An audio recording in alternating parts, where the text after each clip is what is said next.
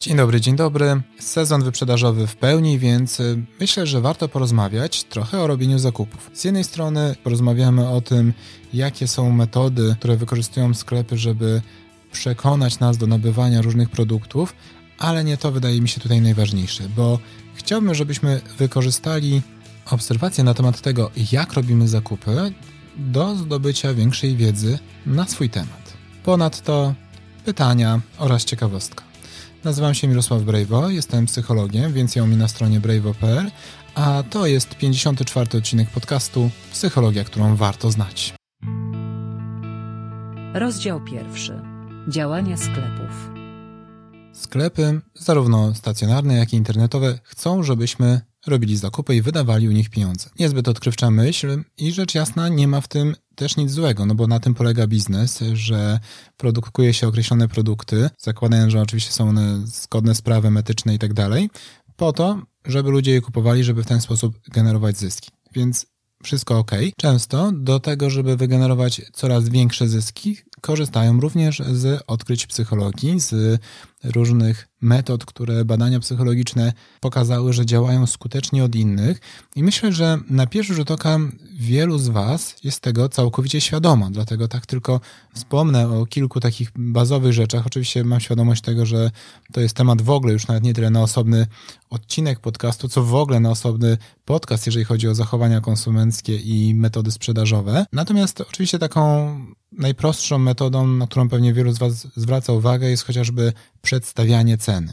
Tak, niby to, czy coś kosztuje 70 zł, czy 69, niby nie robi wielkiej różnicy, niby wszyscy wiedzą, o co chodzi, ale jednak, tak, zastanówcie się, czy jak macie do wyboru dwa produkty, jeden kosztuje 86 zł, a drugi 70 w pierwszym przypadku, a w drugim również dwa produkty, z których jeden kosztuje 85 zł, a drugi 69.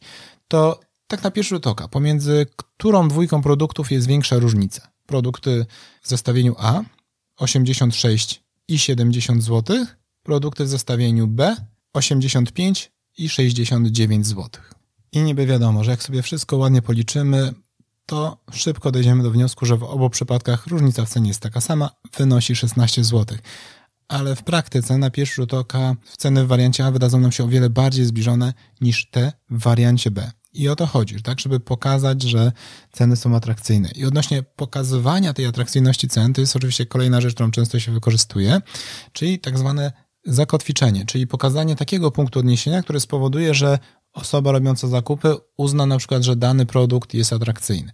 No bo jeżeli na przykład widzimy jakiś produkt za, nie wiem, 200 zł, to prawdopodobnie w oparciu o swoje wcześniejsze doświadczenia, ewentualnie poszukiwanie informacji w internecie, określimy, że to jest niska czy wysoka cena i może się okazać, że cena nie będzie aż taka atrakcyjna. Ale żeby uniknąć tego, no to sklepy starają się same zapewnić nam różnego rodzaju kotwice, chociażby poprzez to, że zestawiają dany produkt z innym, który na przykład wydaje się o wiele, wiele droższy, pomimo że nie bardzo różni się funkcjami. Tak? No jak widzimy produkt y, za 500 zł, który ma w zasadzie wszystkie te same funkcje, plus jakąś jedną dla nas nieistotną, i taki produkt za 200 zł, no to ten za 200 wydaje się świetną promocją. Inną taką metodą kotwiczenia jest po prostu przekreślanie cen i pokazywanie, jak bardzo atrakcyjna jest nowa cena. No bo czy te 200 zł to jest dużo, czy mało? Nie wiadomo. No ale jak zobaczymy, że cena pierwotna wynosiła 800 zł, a teraz jest 200 zł, no to hej, mamy biznes życia. I to oczywiście będzie nas skłaniało do podejmowania działań, choć tutaj mam dla Was ciekawostkę. Ciekawostka. Pewnie część z Was już o tym wie, ale od 1 stycznia 2023 roku obowiązuje w Polsce dyrektywa Omnibus, która między innymi wymaga, aby sklepy, jeżeli robią jakąś przecenę produktu, napisały również, jaka była najniższa cena tego produktu w ciągu 30 dni od uruchomienia tej promocji. Więc może to pokazać, czy faktycznie ta cena promocyjna jest aż tak promocyjna, jak jest to przedstawiane. Wow, ale ciekawostka.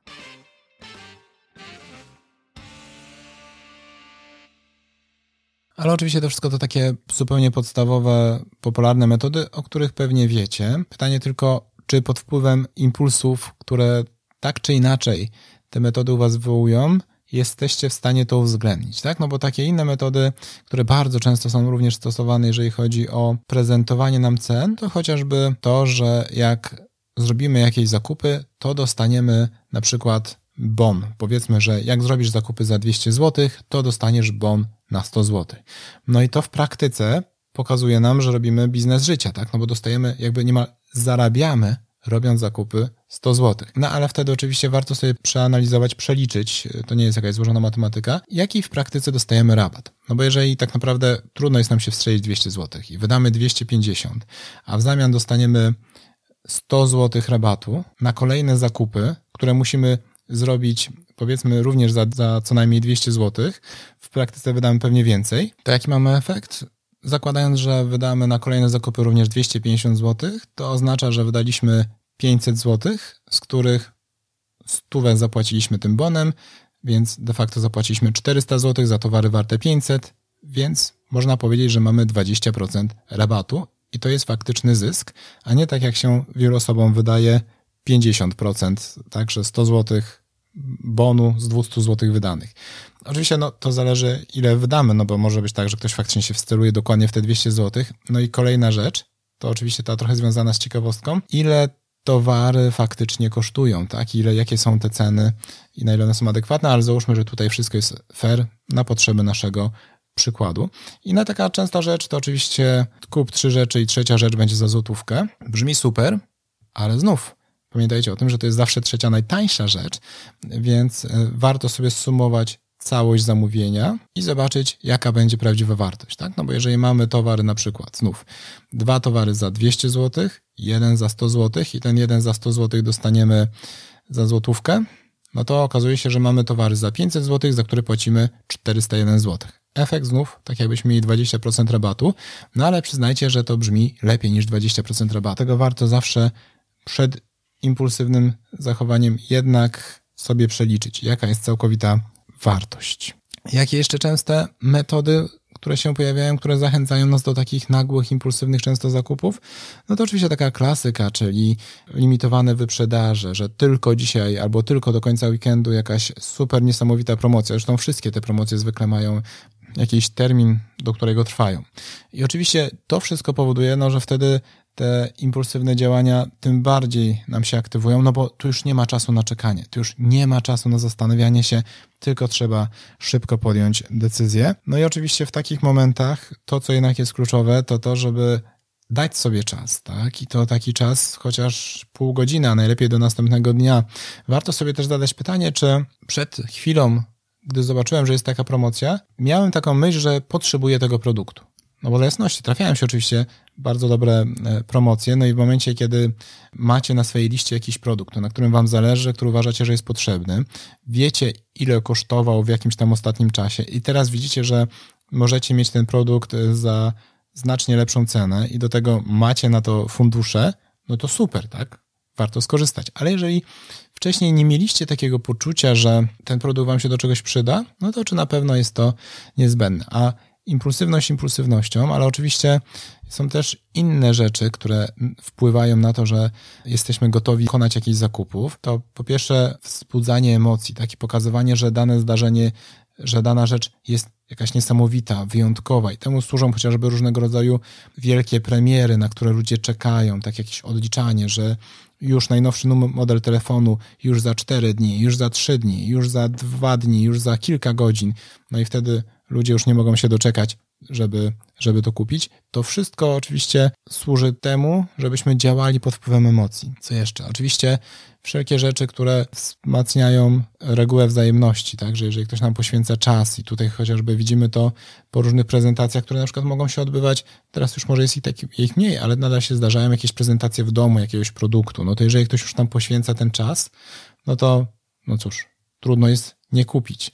Podobna sytuacja to oczywiście powoływanie się na różne autorytety, tak? E, czy na to, że jakiś specjalista uważa, że dany produkt jest super, no to hej, tak musi być. I jasności bardzo możliwe, że tak jest, ale warto zawsze to zweryfikować. Analizując e, to, czy dany zakup będzie dla nas korzystny, oczywiście warto też zastanowić się, jakie dalsze koszty taki zakup będzie generował, no bo bo bywa, że próg wejścia na bycie jakiegoś produktu jest bardzo niski, ale później utrzymywanie tego produktu czy jego rozwijanie może generować duże koszty. Tak? Weźmy chociażby przykład różnych bransoletek, które same w sobie mogą być tanie, ale za to później dokupywanie do nich różnych e, gadżetów już może znacznie zwiększyć wartość. Albo urządzenia, które wymagają kupowania subskrypcji na oprogramowanie, tak? Więc samo urządzenie może być tanie, ale później potrzebujemy na przykład subskrypcję, która pozwoli nam w praktyce z tego urządzenia korzystać i wykorzystywać maksymalne jego możliwości. To jest kolejna rzecz, że jeżeli dany produkt wydaje nam się bardzo, bardzo tani, no to pytanie,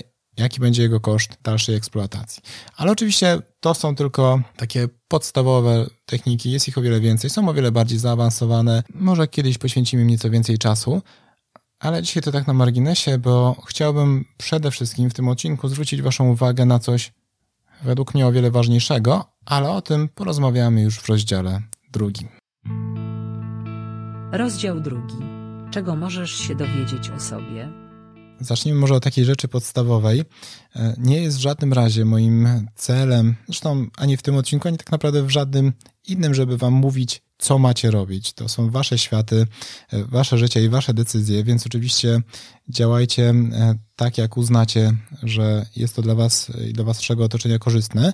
Natomiast pomyślałem, że skoro już ludzie robią zakupy i zakładam, że wy również, to może warto wykorzystać to jako taką okazję do refleksji i do zastanowienia się, co te zakupy i sposób, w jaki je robicie, może powiedzieć wam o was samych. Zarówno o Was tak powiedzmy w większej perspektywie, ale również o Was w danym momencie, czy na przykład w danym dniu robienia zakupów. Oczywiście do takiej refleksji zachęcam szczególnie te osoby, które mają często poczucie po zrobieniu zakupów, że odczuwają bardzo silny żal podecyzyjny, czy mają poczucie, że znów słowo znów tu chyba jest kluczowe, niepotrzebnie na przykład wydały na coś pieniądze, albo starają się usprawiedliwiać, dlaczego coś zrobiły, e, chociażby mówiąc, że po prostu dlatego, że na to zasługują. Więc jeżeli nieraz macie takie poczucie po zrobieniu zakupów, że ach, znowu niepotrzebnie, no to tym bardziej zachęcam do refleksji i zastanowienia się, jakie właściwie potrzeby, jakie emocje były związane z tym zakupem. I może zacznijmy od tych chwilowych emocji w danym momencie. Oczywiście jedna rzecz, na którą warto zwrócić uwagę, to jest to, o czym wspomniałem w rozdziale pierwszym,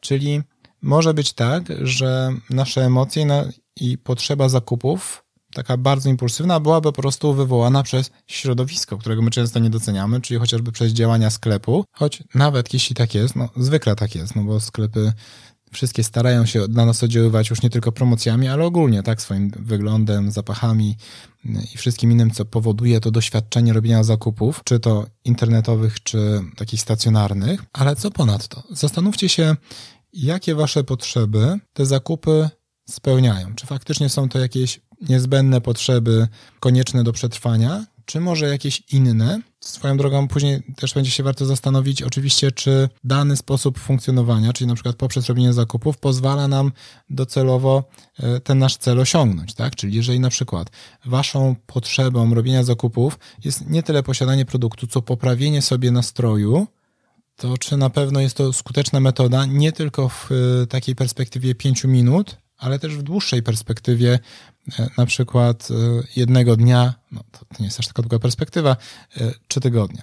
Zastanówcie się, jakie emocje Wam towarzyszą w danym momencie, ale też wcześniej, na przykład dzień wcześniej, czy w ciągu dnia, które skłaniają Was do robienia zakupów. Bo może jest tak, że ta potrzeba szukania jakichś rzeczy i kupowania rzeczy, żeby chwilowo poprawić sobie nastrój, związana jest z tym, że na przykład odczuwacie stres. I to jest wasz sposób radzenia sobie ze stresem. Albo kiedy jest wam smutno, no to w ten sposób, y, tak jak czujecie się, że jest wam smutno, to być może pogarsza wam się wasz obraz siebie, czujecie się jakoś bezwartościowi, no i wtedy macie taki sposób, żeby się dowartościować, kupując sobie jakąś rzecz i niejako wyrażając się poprzez tą rzecz. A może jest to wasz sposób na wyładowanie złości. Więc przeanalizujcie, zobaczcie, jak trafiają się takie dni, gdzie właśnie macie wrażenie, że dokonujecie jakichś większych zakupów niż zwykle, albo w ogóle, kiedy macie potrzebę robienia jakichś zakupów, czy chociażby nawet przeglądania jakichś rzeczy w sklepach, co się wydarzyło tego dnia, jakie emocje wam towarzyszyły. Oczywiście nie tylko o emocjach musimy tutaj mówić, bo może być tak, że, że wasza potrzeba zakupów albo chociażby krążenia po sklepach rośnie wraz z waszym zmęczeniem. I w związku z tym może to być dla was komunikat, że czas na odpoczynek i na regenerację. Również inne potrzeby mogą tutaj odgrywać ważną rolę, jak chociażby potrzeba bezpieczeństwa. No bo może być tak, że w momencie, kiedy macie poczucie, że dobre czasy za jakiś czas się skończą, bo nie wiem, zbliża się jakiś kryzys, to może spowodować, że będziecie mieli potrzebę tego, żeby teraz wydać trochę więcej pieniędzy, żeby tak jakby przygotować się na przyszłość, tak? I co ciekawe, może się okazać, że to e, przygotowywanie się na przyszłość nie będzie oznaczało wyłącznie tego, że kupicie 10 kg makaronu, ale też będzie się charakteryzowało tym, że kupicie sobie jakieś gadżety, jakieś ubrania, inne rzeczy, które może nie są wam niezbędne, których może nawet w tym momencie nie potrzebujecie, ale nie wiadomo, czy będziecie mogli sobie pozwolić na nie w przyszłości. Więc zastanówcie się, ponieważ jest to bardzo ważna rzecz. Dwojako. To znaczy, po pierwsze, jak zaobserwujecie co dają wam te zakupy i w jakich sytuacjach je robicie, no to sama potrzeba tego, żeby pójść na przykład na zakup albo żeby sobie coś kupić, może być dla was takim wyznacznikiem, hej, coś jest nie tak. Bo bywa, że e, jak się stresujemy, zwłaszcza jak ten stres tak narasta w ciągu dnia, nie ma takiego jakiegoś jednego bardzo intensywnego bodźca, że my nie do końca to zauważamy. I to, że pojawia się taka, taki dodatkowy bodziec w stylu muszę iść na zakupy, może być dla Was bardzo cennym sposobem do zaobserwowania tego, co czujecie. No i wtedy oczywiście warto się też zastanowić, czy dostrzegacie jakieś lepsze alternatywy i jakiś lepszy sposób na to, na przykład, żeby poradzić sobie ze złością czy ze smutkiem. Inny, lepszy pomysł, nawet na to, żeby zagospodarować swoje finanse, tak żeby ten, ta wasza złość i smutek za jakiś czas nie była niechcący większa, bo na przykład w ramach budowania bezpieczeństwa narobicie zakupów, no a później będziecie czuli się jeszcze bardziej zagrożeni, no bo będziecie mieli debet. Nie, nie skupiajcie się na tym, żeby jakoś szczególnie się na siebie złościć, tylko wykorzystajcie ten żal, który sam w sobie jest niezłą emocją, ale poświęcimy mu jeszcze kiedyś odcinek, do tego, żeby wyciągnąć wnioski na przyszłość. I żeby skutecznie obserwować swoje zachowania w przyszłości. Zakupy mogą być też dla Was informacją ogólnie o Waszym sposobie funkcjonowania, czyli e, z jednej strony o tym, jak jaki macie poziom impulsywności, który być może przejawia się też w innych działaniach. Być może zaobserwujecie dzięki temu e, wasze postawy względem pieniędzy i dowiecie się, z czego one wynikają. Tak, być może było tak, że kiedyś w dzieciństwie z waszymi funduszami było dużo gorzej. Być może nie mieliście takiego budżetu jak wasi rówieśnicy, przez to nie mogliście sobie pozwolić na mm, pewne rzeczy. Być może ktoś przez to śmiał się z was.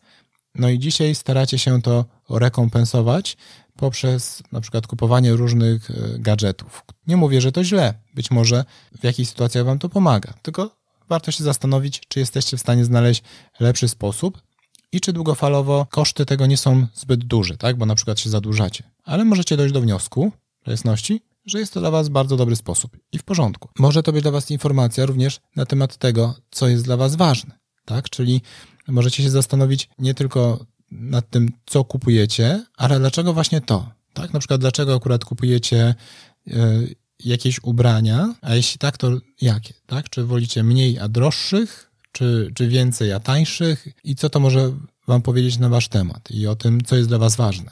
Tak? Czy chcecie pokazywać ludziom, że jesteście e, właśnie raczej zamożni, czy może chcecie pokazywać e, ludziom, że potraficie się łatwo zmieniać, czy chcecie w jakiś sposób wyrazić siebie, Podobnie z gadżetami, tak? Czy chcecie pokazać, nie wiem, że jesteście inteligentni, że jesteście na bieżąco? Tu oczywiście jest bardzo wiele możliwych ścieżek interpretacji. Tak zadajcie sobie pytanie, dlaczego akurat to kupuję? Rzecz jasna to również może być przestrzeń do tego, żeby przeanalizować swoje e, przekonania związane z pieniędzmi, które również oczywiście mają wielki wpływ na, na funkcjonowanie, tak? To znaczy, jakie macie przekonanie i czy te przekonania wam służą? Czy może macie przekonanie, takie, które właśnie nie zachęca do generowania na przykład oszczędności, budowania jakiegoś swojego bezpieczeństwa, tylko raczej zachęca do tego, żeby wszystko, co się zarobi, na bieżąco wydawać, no bo pieniądze jakoś tam się znajdą, a poza tym tracą na wartości. Nie? Więc zobaczcie, jakie macie przekonania na temat finansów, jak to wpływa na wasze decyzje zakupowe, ale przede wszystkim jak to wpływa na wasz poziom stresu, bezpieczeństwa i ogólnie poziom życia. Podsumowanie. Oczywiście sklepy starają się nas przekonać do tego, żebyśmy kupowali jak najwięcej produktów. Stosują w tym zakresie bardzo wiele różnych metod, ale to, co tu jest w tym wszystkim najważniejsze, to to, żebyście spróbowali się zastanowić, jak wy na to reagujecie. A jeżeli macie poczucie, że w niektórych sytuacjach jesteście jakby bardziej podatni, to zaobserwujcie, z czym to jest związane, choćby z jakimi emocjami, bo może to być dla Was bardzo cenny wskaźnik, a może to będzie też okazja do tego, żeby zastanowić się, czy nie ma lepszych sposobów, żeby spełnić jakąś swoją potrzebę, tak żeby w dłuższej perspektywie było to dla Was korzystniejsze. Więc zachęcam do takiej małej refleksji, a tymczasem już za dwa tygodnie, czyli 7 lutego, porozmawiamy o syndromie oszusta. Do usłyszenia.